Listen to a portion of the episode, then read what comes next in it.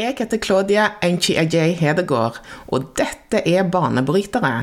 Podkasten hvor du får høre inspirerende historier om karriere og ledelse fra personer med flerkulturell bakgrunn i Norge som utmerker seg og baner vei. Og jeg har eh, vært ute i en og flere vinternetter før og opplevd både krig og eh, sykdom som jeg holdt på å dø av eh, under den krigen i Iran og, mellom Iran og Irak.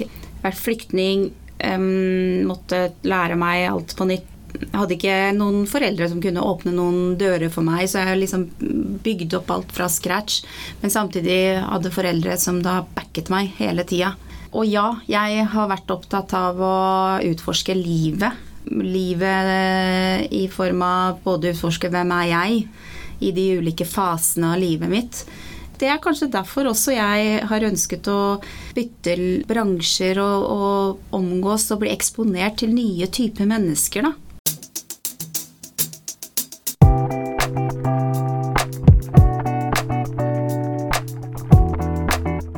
Ukas gjest er det nye medlemmet i ledergruppen til en av Norges mektigste virksomheter, NHO. Elham Binay er direktør for mennesker og kultur. Hun imponerer og inspirerer med en utrolig spennende bredde i sin karriere. Hun har hatt flere sentrale lederposisjoner opp gjennom, sist som nordisk konserndirektør i Adecco Group. Hun har tidligere jobbet som frilansjournalist for en rekke norske og internasjonale TV-kanaler. Hun har vært innom politikken, og hun har vært med på å bygge opp IT-selskapet Skill. Elham har stor lidenskap for ledelse og det å lede med hensikt. Og som verdensborger så har hun bodd og jobba i flere land. Hun eh, har en utdannelse innen business, organisasjonspsykologi, ledelse og journalistikk fra Norge og Storbritannia.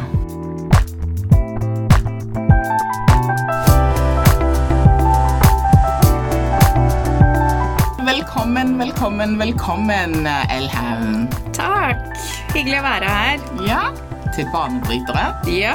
Jeg har sett veldig frem til dette, dette møtet, eller denne praten vår. Det, det har jeg også. Ja. Jeg syns jo alltid det er hyggelig å prate med deg. Veldig inspirerende. Du, du er jo kjempeinspirerende. Mm. Tusen takk. Oh, så koselig start på uh, samtalen. Så her kan det bare gå én vei. Men vet du hva, jeg har, uh, som jeg sa, jeg har gledet meg kjempemye til å eh, snakke med deg. Du har en superspennende bakgrunn, og i tillegg så er du jo råfersk eh, i en eh, ny stilling som vi skal snakke litt om.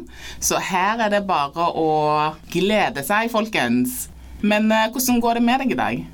Det går veldig fint. Veldig fin høstvær i Oslo. Og uh, møtt ganske mange spennende mennesker i dag også. Jeg har jo veldig variert dager. Det syns jeg er kjempegøy. Det gir meg mye. Det gir deg mye. Hva du har funnet på i dag? Du, altså, dagene mine går jo ganske mye i møter. Og enten eh, være med på en oppstart av noe greie, eller beslutte noe. Eh, nå har jeg jo bare vært i den nye rollen en måned.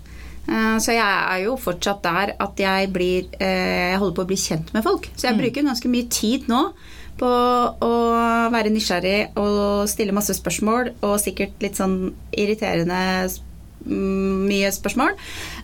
Ja. og bli kjent.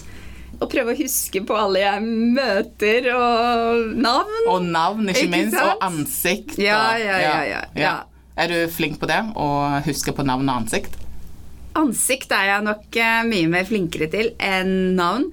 Eh, men eh, etter hvert så det håper jeg det, det kommer seg, det også. Og så syns jeg det er veldig fint å slå av en prat med folk på altså, heisen, kaffemaskinen, lunsjen. For da, kan, da har vi gjerne et tema. Og da syns jeg det er veldig fint å egentlig ha det temaet, eller finne ut hva vedkommende er opptatt av og er interessert i. Og, og da kan jeg liksom Da husker jeg navn og mm. ansikt og alt mye bedre, da. Så det er liksom noen sånn men gratulerer. Jo, takk. Med denne nye stillingen din, og du er råfersk i, i stillingen. Og du er nå en del av eh, ledergruppen i NHO, en av Norges mektigste virksomheter. Hvordan føles det? Du, det er veldig gøy å komme inn i så utrolig dyktig organisasjon eh, som utgjør en kjempeforskjell i, i Norge AS. Og sammen da med LO og regjeringen og politikerne faktisk eh, utøver demokrati. Mm. og sørger for gode demokratiske prosesser, sånn at, sånn at eh, arbeidsgivere og arbeidstakere har gode rammebetingelser, eh, sånn at vi kan drifte Norge på en god og sunn, fornuftig måte. Da. Men denne nye rollen din, hva er det for noe? Hva er det du skal gjøre? Du, jeg eh, skal jo da jobbe med mennesker, eh, ledelse, kultur. Og hvis du tenker en ja, hvilken som helst kanskje bedrift eller eh, organisasjon, så er man ofte organisert vertikalt. Og innenfor fagområder, bransjer osv. Men innenfor de områdene så er det jo alltid folk som jobber. Folk med kompetanse og vilje og drive og følelser og you name it. Eh, og i relasjon med hverandre og med prosesser så er det skapes det da kultur. Min eh, rolle er jo da mer horisontalt. Yeah. å kunne da, og måtte da jobbe med alle disse ulike vertikalene. Eh, sørge for at vi har god kultur og ledelse. Menneskene får utviklet seg og at vi får satt dette her enda mer på kartet mm. i Norge. Ja. Hvordan syns du det har gått så langt, da? Det, som sagt så begynte jeg for en måned siden. Ja. Jeg eh, er jo så utrolig takknemlig for at jeg har så mange dyktige folk rundt meg. Altså, det er jo noen av de dyktigste folka i Norge som jeg får lov til å jobbe sammen med. Og, og det er et privilegium. Og så har jeg blitt tatt imot på så god måte. Og, så, så, det har vært uh, veldig fint. Men det er jo en overgang, da. Hos min tidligere arbeidsgiver så var jeg jo der i seks år i ulike roller og ulike nivåer og alt det der. Men uh, det er jo en overgang å komme til en helt annen type organisasjon. Jeg har jo brukt nesten hele min arbeidsliv har jeg da brukt i det kommersielle. Både små og store selskaper og i ulike bransjer. Men det er noe annet å komme fra det kommersielle inn i en organisasjon. Men det er veldig spennende. Det syns jeg. Det syns synes, altså, det jeg syns er spennende, det er jo å få lære. Jeg lærer jo veldig mye. Og så håper jeg at uh, jeg kan kanskje bringe inn noe av det jeg kan, da. Ja, det, uh, det tror jeg du gjør. Ellers hadde det vært en miss å ansette meg. jeg tror du kommer til å klare deg veldig fint. Jeg. Men, ja, men, apropos det, hva er det du tenker blir din viktigste styrke som du tar med deg inn her i denne, denne nye rollen? Jeg tror det at jeg da kommer ifra næringslivet og jobbet kommersielt, og også vært journalist og involvert eh, i politikken, da får jeg liksom kombinert mange av de elementene som jeg har holdt på med underveis i min karriere, i en setting som dette her, da. Og så har jo jeg både studert og, og, vokst opp og jobbet nå de siste årene veldig globalt. Så blir man jo påvirket også av de ulike kulturene, landet og folka man møter. Eh, så det er blitt litt sånn sammensetning av alt. Samtidig som jeg er veldig sånn lokal- og bygdejente da, fra Østfold i indre Østfold. Så den derre dimensjonen av å kunne både være med å påvirke Norge, jobbe med våre, våre kollegaer i Brussel, Norden Eh, men også være med å påvirke Norge. Eh, og også våre bedrifter syns jeg er kjempespennende. Så tror jeg det er liksom helheten og kombinasjonen av hva man bringer til bords, da. Jeg har jo vært i små selskaper og stor bedrift og og jobbet veldig annerledes og utradisjonelt. Jeg er jo ikke så veldig tradisjonell av meg som verken person eller i min karriere. Jeg får jo litt sånn abstinenser når jeg skal bare gjøre én ting. Ja. Du, vil, du vil, ha flere, eh, flere jern i ilden, er ikke det de kaller det? Ja, ikke nødvendigvis for at jeg må det, men jeg har mange veldig bred interessefelt, og det har jo egentlig bare vært årsaken til at uh, jeg har fått bryna meg på ganske mye mm. opp gjennom min karriere. Og lært mye underveis også. Mm. Jeg bare ja, hoppa ut i det og blitt frustrert, og så funnet ut av det, og så lært, og så var det ikke så ille allikevel. Og, ja. Mm. Så du er jo veldig altså, Når jeg ser på bakgrunnen din, så, så, har du jo vært sånn som du sier, i forskjellige typer virksomheter. Du, mm. du, har jobbet som journalist, du har vært innom eh, politikk, du har eh, jobbet med people og culture osv. Så, så det bransjebyttet som du gjør nå, det er jo vel noe som du er superrigga for å gjøre, for du er jo vant med skifte og bytte.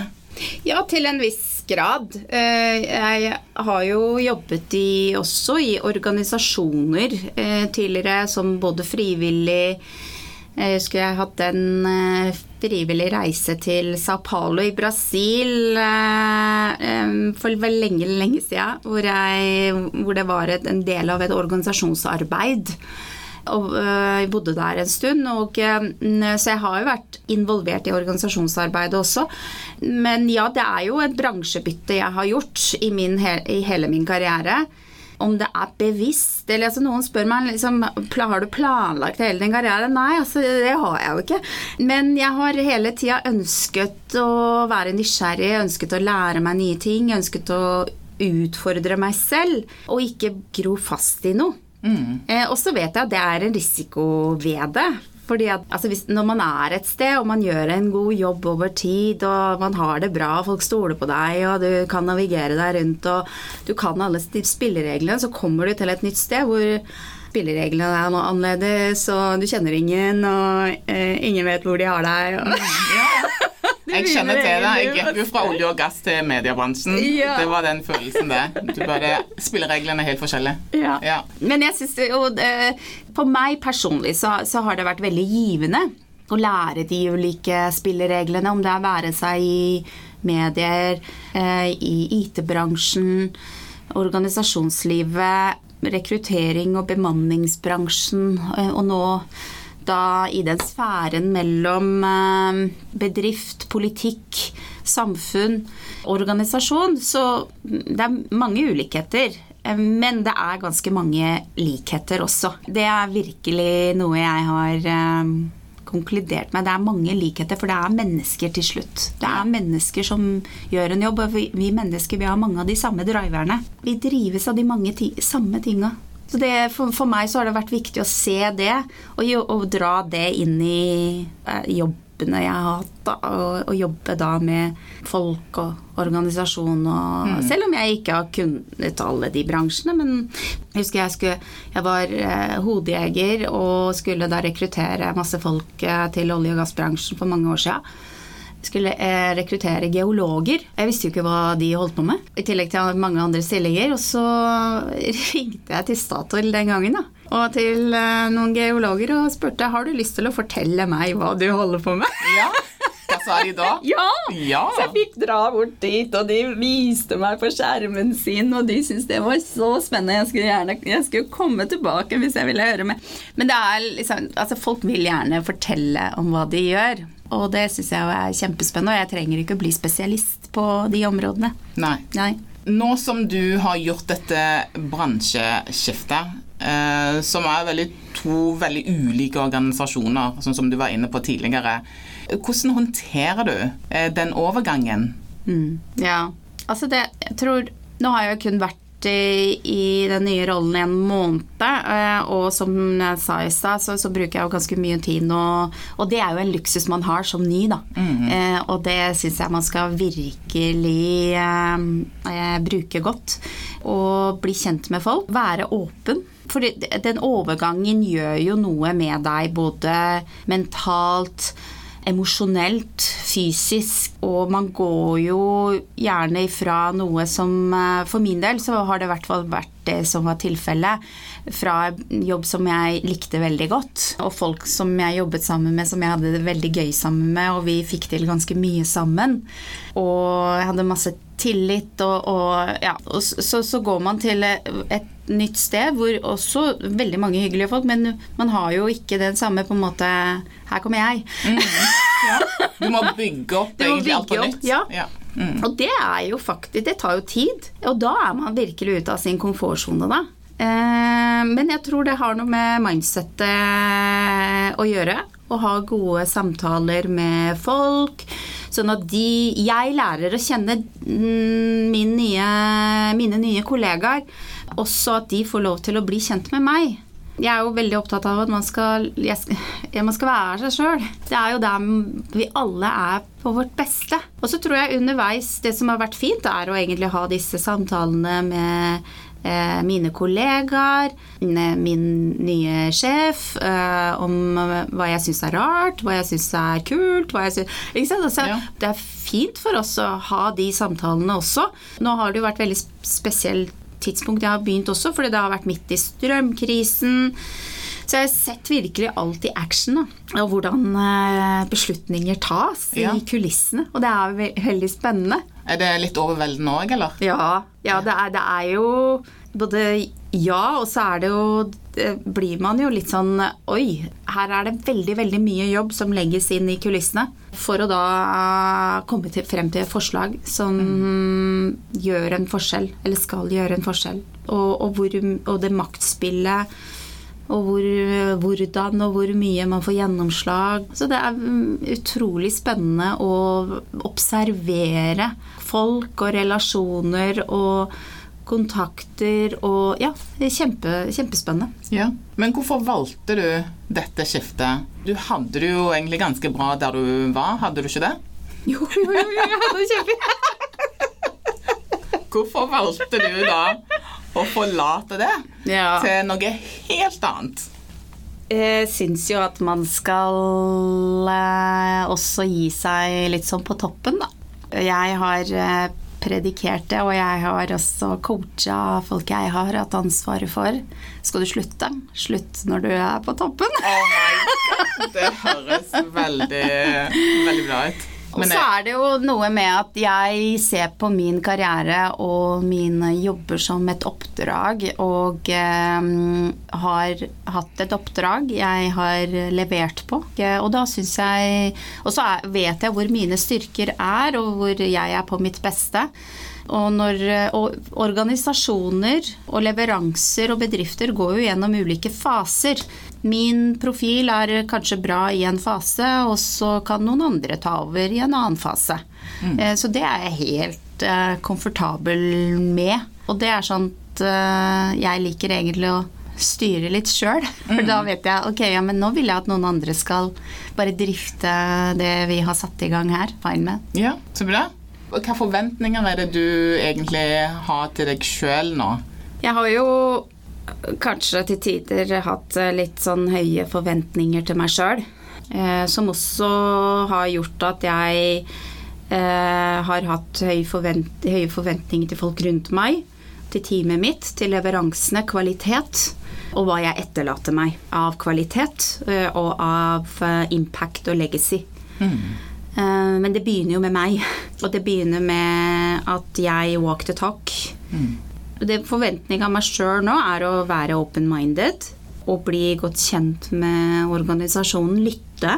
Eh, for eh, jeg tror på det samspillet mellom mennesker, og at eh, mange sitter på utrolig mye bra erfaring og kompetanse, klokskap. Så min jobb blir egentlig mer om, om å liksom sy det sammen, da. Mm. Og dra de folka og de tankene og de ideene litt sånn sammen, istedenfor å finne opp hjulet på nytt. Fordi at jeg, jeg tror brorparten av oss trenger egentlig ikke å finne opp noe, noe nytt hjul på nytt. Nei, nei kanskje det er, ikke. Det er mye bra der ute, så, men clouet ligger litt i hvordan vi drar det sammen og mm. gjør det til noe bra. Hva, hva forventninger er det, er det liksom, om, Føler du at det omgivelsen har eh, til deg, da?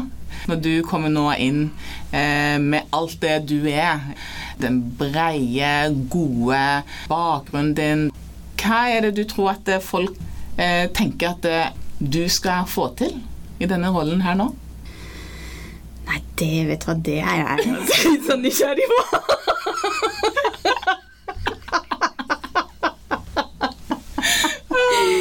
um, altså, det, det er jo en strategi som er veileder for hva vi skal gjøre, og hva vi skal oppnå.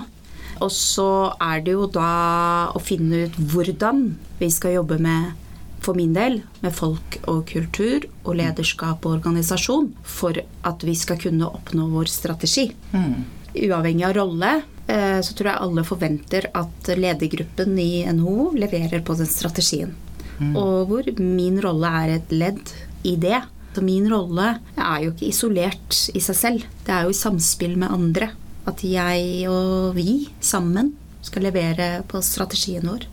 Men du var innom eh, Du snakket jo eh, om karriereveien din, og jeg, som jeg sa til deg sånn innledningsvis, at, og som du også har, har nevnt Altså, da jeg så gikk gjennom din bakgrunn, så tenkte jeg vet du hva, Hun her eh, er en person som har levd og, og vet, eh, og vet eh, leve. Og, og har tillatt seg sjøl til å utforske ulike deler av seg sjøl. Stemmer det?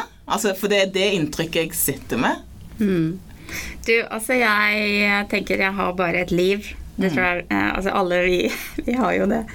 Og jeg har eh, vært ute i en og flere vinternetter før og opplevd både krig og eh, sykdom som jeg holdt på å dø av i, under den krigen i Iran og, mellom Iran og Irak. Vært flyktning, måtte lære meg alt på nytt jeg hadde ikke noen foreldre som kunne åpne noen dører for meg, så jeg liksom bygde opp alt fra scratch. Men samtidig hadde foreldre som da backet meg hele tida. Og ja, jeg har vært opptatt av å utforske livet. Livet i form av både utforske hvem er jeg i de ulike fasene av livet mitt. Det er kanskje derfor også jeg har ønsket å bytte bransjer og, og omgås og bli eksponert til nye typer mennesker. da. Mm. Eh, fordi at de type menneskene jeg har møtt underveis i mitt liv, eh, i ulike land og bransjer og roller og i ulike settinger, så har det berika meg så mye.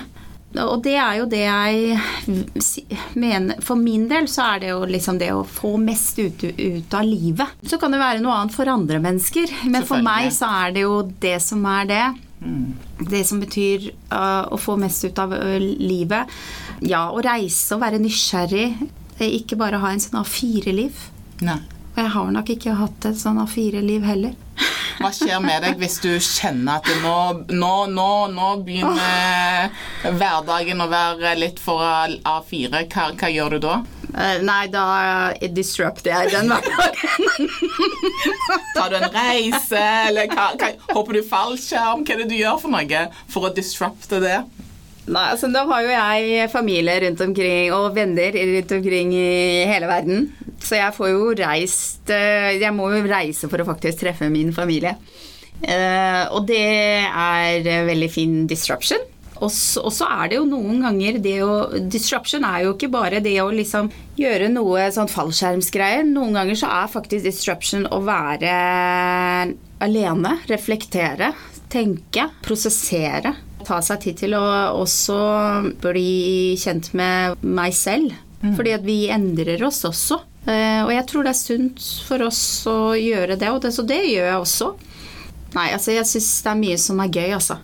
Det er mye som er gøy i livet. Ja, det er det. Altså det jeg syns sånn som dansing, da. Mm. Musikk og dans og musikaler og sånn. Det gir meg så mye. For det er liksom den derre kombinasjonen av instrumenter og kunst og teater. Og altså, det, det, bare beriker en, og det gjør jo noe med disrupte tankene. Mm. Som også gjerne Eller kan kanskje påvirke vår kreativitet på andre områder. Så ja, jeg, jeg liker disruption.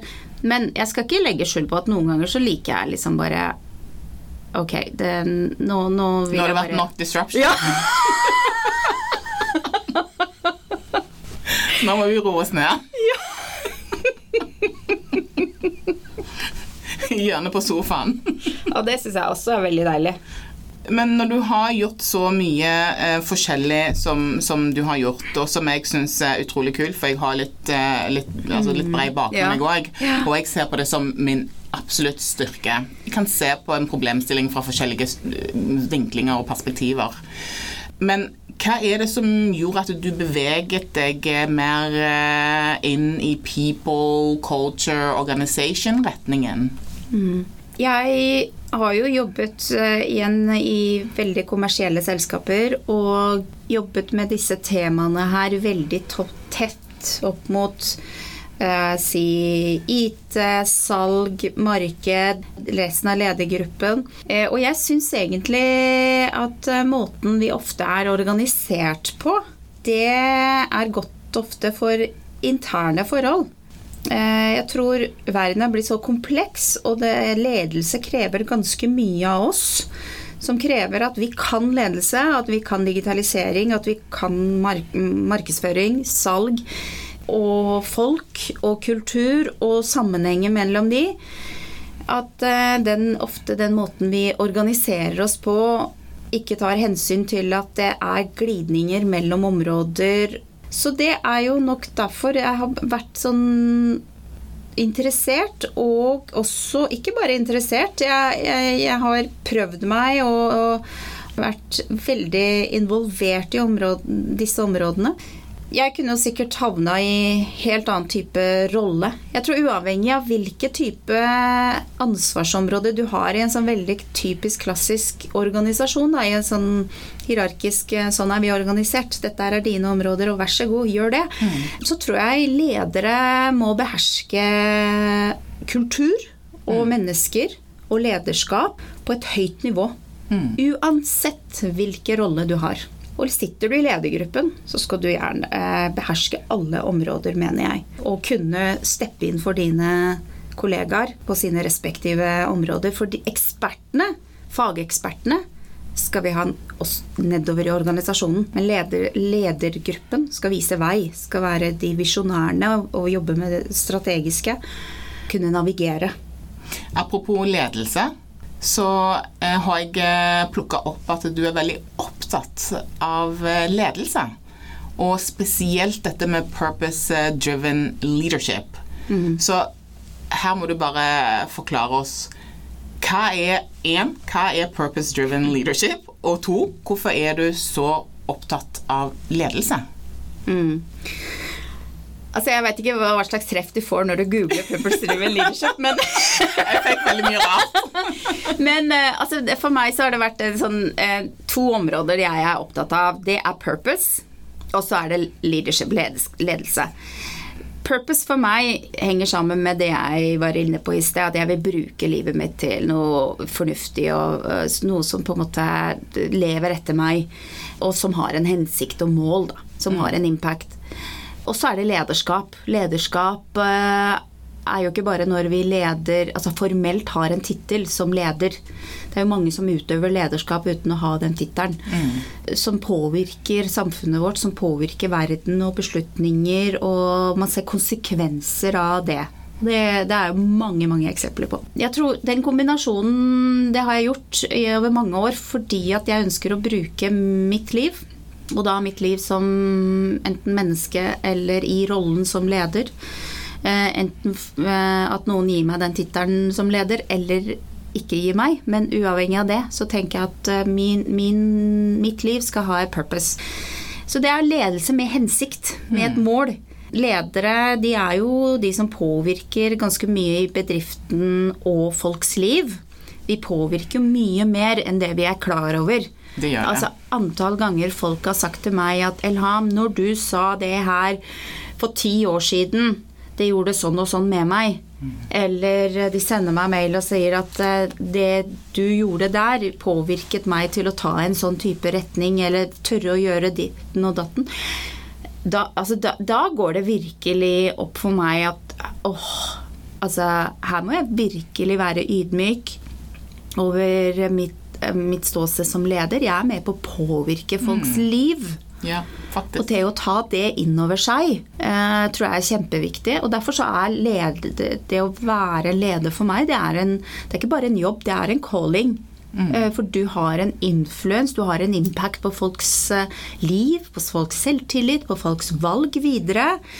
Psykologiske helse, mentale helse, fysiske Altså man påvirker Har ganske mye makt. Det er mye makt.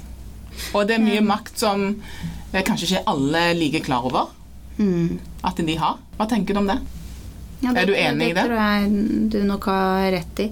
Jeg ikke er klar over og Altså, makt kan jo være positivt og negativt, så, så jeg tenker hvordan du bruker det. For jeg tenker i denne sammenheng så, så kan du ha makt til å påvirke folk i god retning. Um, like det. Og like å trigge folk til å, å plante noe i folk som gjør at uh, folk ser et potensial i seg som de ikke trodde eksisterte. Men så ser du det som leder, da. Og da tenker jeg at da har du utøvd en veldig god makt, eh, og positiv makt. For da drar du ut det potensialet eh, hos noen som gjør at den personen blir bedre versjon av seg selv. Eh, Og også gjør for, noe bra for eh, samfunnet. det jeg, jeg må bare sant, Fordi jeg har jo vært, vært borti gode ledere, og så har jeg vært borti veldig dårlige ledere. Mm. jeg husker begge. Eh, og så har jeg noen ganger hatt båret på litt sånn nag mot den dårlige lederen. For jeg tenkte fy søren, den personen gjorde livet mitt ganske surt. Og det sitter liksom i kroppen. Men så i det siste så har jeg skifta mindset. Så jeg tenkte at fy søren, så bra at jeg traff den lederen der. Mm, ikke sant? Fordi den lederen der, som var kjip, den har egentlig hjulpet meg til å bygge en slags blueprint på hvordan jeg skal håndtere sånne type ledere, og det finnes mange av dem. Før og siden så kommer du til å treffe dem igjen og igjen og igjen. Men, men da har jeg endret det mindsettet. Så jeg, jeg følger deg veldig på dette her med hvor stor impact man har som leder. Eh, og at, eh, at man kanskje burde være flinkere på å, å sette seg inn i hva det betyr, og forstå og ha respekt for den rollen og den påvirkningen man har på andre mennesker. Så jeg følger den veldig. For jeg eh, husker også den gode lederen. Ja. Nei, jeg, jeg har også hatt både gode og dårlige ledere. Tror jeg vi alle har er sikkert mange eksempler Ja, absolutt. Og så er det noe med at uh, i hvert fall sånn har jeg tenkt at i forhold til dårlige ledere og dårlig lederskap, da. Det er jo ikke sånn at man er dårlig hele tida. Noen ganger så er det elementer av, som man kan gjerne coaches på. Sånn er det jo med oss mennesker. Ikke sant? Man er jo ikke dårlig hele tida. Um, Jo, og hvis noen er det. ok, det var dine ord. um, men det å da bygge opp folk rundt seg som bryr seg såpass om deg, som gidder å si fra til deg at vet du hva, hvis du korrigerer bare det lille elementet der, så blir du enda bedre versjon av deg selv. Og det tenker jeg, det er jo liksom å bygge opp et feedback-kultur og gjøre det ufarlig. Og kunne korrigere fordi at man vil at hverandre vel og vil ser at du har potensial til å bli enda bedre. Um, Men hva type leder er du? du, jeg eh, har jo vært leder eh, for eh, mange forskjellige mennesker. Forskjellige typer mennesker og aldersgrupper og etnisitet og ja. Det jeg har i hvert fall fått høre, er at jeg er en coachende leder. At jeg bryr meg. At jeg stiller krav. Det henger jo sammen med at jeg stiller krav til meg selv. Men jeg har opplevd at eh, når jeg da stiller krav, men da porsjonerer det, eller balanserer det ut med å være tett på, være coachende, ha tillit, skape en psykologisk trygg setting, så blir ikke den tøffe stilen så farlig lenger. Da betyr det jo at man må være flink på nettopp den balansen der. For det er jo den som avgjør hvorvidt budskapet og din ledelse oppfattes på den ene eller den andre måten. Mm. Så det, den balansen der er jo nøkkelen. Og den vil jeg ikke tro er så lett å finne. Ja, det kommer nok med Det er, det er jo ikke noe du fint å lese og sånt og studere, men, men, jeg tror det kommer også som en del av erfaringen man mm. gjør seg. Og eksponeres til litt ulike typer folk og problemstillinger og settinger, og man blir utfordra også selv. Fordi jeg har jo selv også vokst som menneske og blitt utfordra for, for, å kunne bli en enda bedre leder. Og jeg tror jeg har fortsatt en vei å gå. Så jeg er nysgjerrig på, liksom, på meg selv. Hva slags leder jeg er om ti år. Men så er det en del grunnleggende verdier som driver meg, um, som jeg er opptatt av. Noe av det jeg er veldig opptatt av når jeg bygger opp et team, eller når jeg har teamet mitt, det er at alle skal være genuine, snille folk. Og det virker så rart at jeg sier at ja, du skal være snill, men det virker som liksom barnehage. Men, men, jeg tror det å liksom grunnleggende ha den holdninga, så gjør det noe med jeg kunne jo også brukt ordet liksom være samarbeidsvillig og alt det der. Men det gjør jo noe med at man ikke tenker på seg selv og seg og sitt, men at man tenker på andre. Det genererer samarbeid. Og samarbeid og genererer mer innovative løsninger innovative løsninger er ofte mye bedre for eh, bedriften. Eh, så, så, så det å være snill er, kommer man veldig, veldig og, og et godt menneske mm. kommer man veldig langt med. Og så bry seg genuint om folk. Altså det, um, å være transparent samtidig, da. Så tror jeg det er noe med liksom at um, folk gjerne vil bli ledet av mennes mennesker. Altså, folk vil ikke ha noe perfekt uh, person. De vil gjerne se mennesket. Så jeg er jo nok en person som åpner meg eh, og, viser meg selv. Og så, så jeg, sier jeg fra at jeg vet at kanskje den og den stilen jeg har, kan gjøre sånn og sånn med deg. men, ja. men, det har jeg sett at det setter folk pris på. Men man kan nok eh, kanskje, hvis man ikke kjenner meg, bli litt sånn Oi, hvem var hun? ja, Tenker du at, det, at du er intens? Ja, det tror jeg man kan når man ikke kjenner meg. Mm. At uh, i noen settinger så kan jeg uh, fremstå intens. Men etter hvert når man blir kjent med meg, så ja, så kan jeg liksom sjonglere mellom det å være på, det å roe ned, det å le av meg sjøl, uh, le sammen. Så tror jeg liksom man må bare ha det gøy også underveis. Min jobb er jo også å skape en atmosfære som er bra, da. Mm. Men nå ble jeg veldig nysgjerrig på den der intens, det, eh, det som du sa der. Har du noe eksempel på intens når du er intens? Du, altså, jeg er jo veldig vant til å jobbe etter litt sånn deadline og sånt. Så når, når eh, deadline begynner å nærme seg, og det er utrolig viktig at vi leverer på noe Det er mye som står på spill og mange som skal på en måte bidra til at resultatet skal bli, så, uh, bli bra, så, så, kan jeg bli veldig sånn um, prosessorientert og, mm. og, deadline og leveranser. Korte mailer, uh, korte beskjeder. Ja. og da vet jeg da, De som kjenner meg og har jobbet med meg tidligere, vet at ok, da, nå er det intenst det, det, er sånn jeg er klar over. At eh, det, det, er liksom ikke da jeg Det er ikke da vi koseprater. Eh, og det er jeg klar over. Så jeg kan gå bort og si at vet du hva, nå vet jeg at jeg er, eh, jeg er sånn. Ja. ja, men det er bra at du sier ifra, da. Så folk eh, bare har notert det. Ja. Og kan holde litt avstand. Ja, og så tar vi, ja, så tar vi en avbrekk.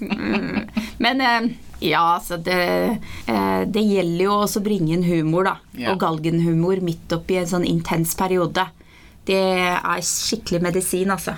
Mm. Jeg har jo vært eh, beredskap- og kriseleder eh, i min tidligere jobb de siste seks årene, og var det under 2020. Og 2020 er noe av det tøffeste året jeg har stått i. Hvor, både, hvor jeg både håndterte altså som beredskapsleder korona, og vi skulle permittere ganske mange.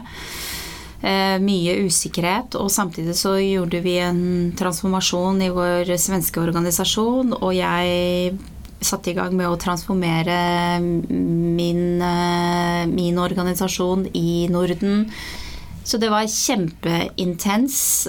Men det gjelder å, spesielt under den koronasituasjonen, å ha litt sånn humor midt oppi det der som er veldig alvorlig også. Mm. Og er litt sånn gæren og galgenhumor og Ja. Ja. Det, det, det har vært veldig viktig for min del, da. Men humor er jo veldig viktig da i, i eh, ledelse. Det Hvis du bruker det på en god måte, da. Ja, ikke på bekostning av andre. Nei, ikke sånn der Ja, du er vel ikke dum, du, er du det? Type sånn Ja. kommunikasjon fra leder. For jeg har hatt en sånn leder som har vært sånn. Og det var ikke morsomt. Ikke sånn. Men, eh, men er det noen forbilder som har formet denne lidenskapen du har for ledelse og mennesker? Um, det er mange forbilder jeg har, og jeg har hatt uh, opp gjennom årene. Men uh, det er to personer som har påvirket meg mest, og det er jo uh, da um, min mor og min far. Mm. det er de som har planta mange av de verdiene i meg. Og så er det jo den der observasjonen jeg har gjort underveis i hele livet når vi var små og i Iran. De var begge akademikere, så mm, unge folk som også ville gjøre en impact i folks liv. Eh, reiste da De kunne ha fått, eh, hatt kjempefine jobber i storbyen og kost seg. Men de valgte da å reise til sånn eh, landsbyer og bygge opp skoler og bygge opp alt det apparatet rundt. Og blei liksom både leger og ordfører og det ene og det andre. Og jeg har jo bare vært i Iran én gang. Jeg var der, og så besøkte jeg en av disse landsbyene hvor de hadde bygd skole. Eh, Hun ene hun var jo litt sånn eldre nå, men eh, hun huska meg og huska faren min, og hun så meg fra avstand, og så bare ropte hun på meg og ville kysse eh, hånda mi og takke meg for at faren min og moren min hadde bygd opp altså utdannelsesinstitutt. Oh, wow. Eh, og at det hadde da ført til at veldig mange hadde tatt utdannelse, altså basic utdannelse, og også gått videre til høyere utdannelse og fått seg bra jobber. Så hun var veldig nær at eh, dine foreldre har eh, gjort en forskjell. Og det har jo påvirket meg, den reisen de har hatt, og de verdiene de har planta i meg, og hvordan de har stått i tøffe tak. og hos oss så eksisterte jo ikke janteloven. Jeg visste ikke hva janteloven var jeg, før jeg Kom til Norge. da ble den servert. Da ble den servert. Han blir fortsatt servert. Ja. ja. Nei, så det var litt sånn Ok, ja, men eh, er dette vanskelig? Ok, ja, men du får det til. Prøv deg, da. Hva er det verste som kan skje? At du feiler. Så det har vært litt sånn som jeg har vokst opp med, og det tror jeg er noe som har gjort at jeg har blitt eh, Kanskje økt min stamina, da. Utholdenhet. Noen ganger så har jeg jo også følt at ha, nå orker jeg ikke mer. Nå, nå er det nok. Nå er det tøft. Nå vil jeg bare grine. Eller nå vil jeg Altså alle de følelsene har jo jeg også deala med opp gjennom min karriere. Men samtidig så er det liksom puste, snakke med folk som er glad i deg. Få gode råd, kloke råd, og så stå i det. Jeg tror det er jo ofte viktig å stå i krigen. ja. Nå må jeg jo spørre, eh, Elham. Hvordan er det man kommer til toppen, sånn som du har gjort nå? Ja, altså toppen. Det var da, det var da voldsomt.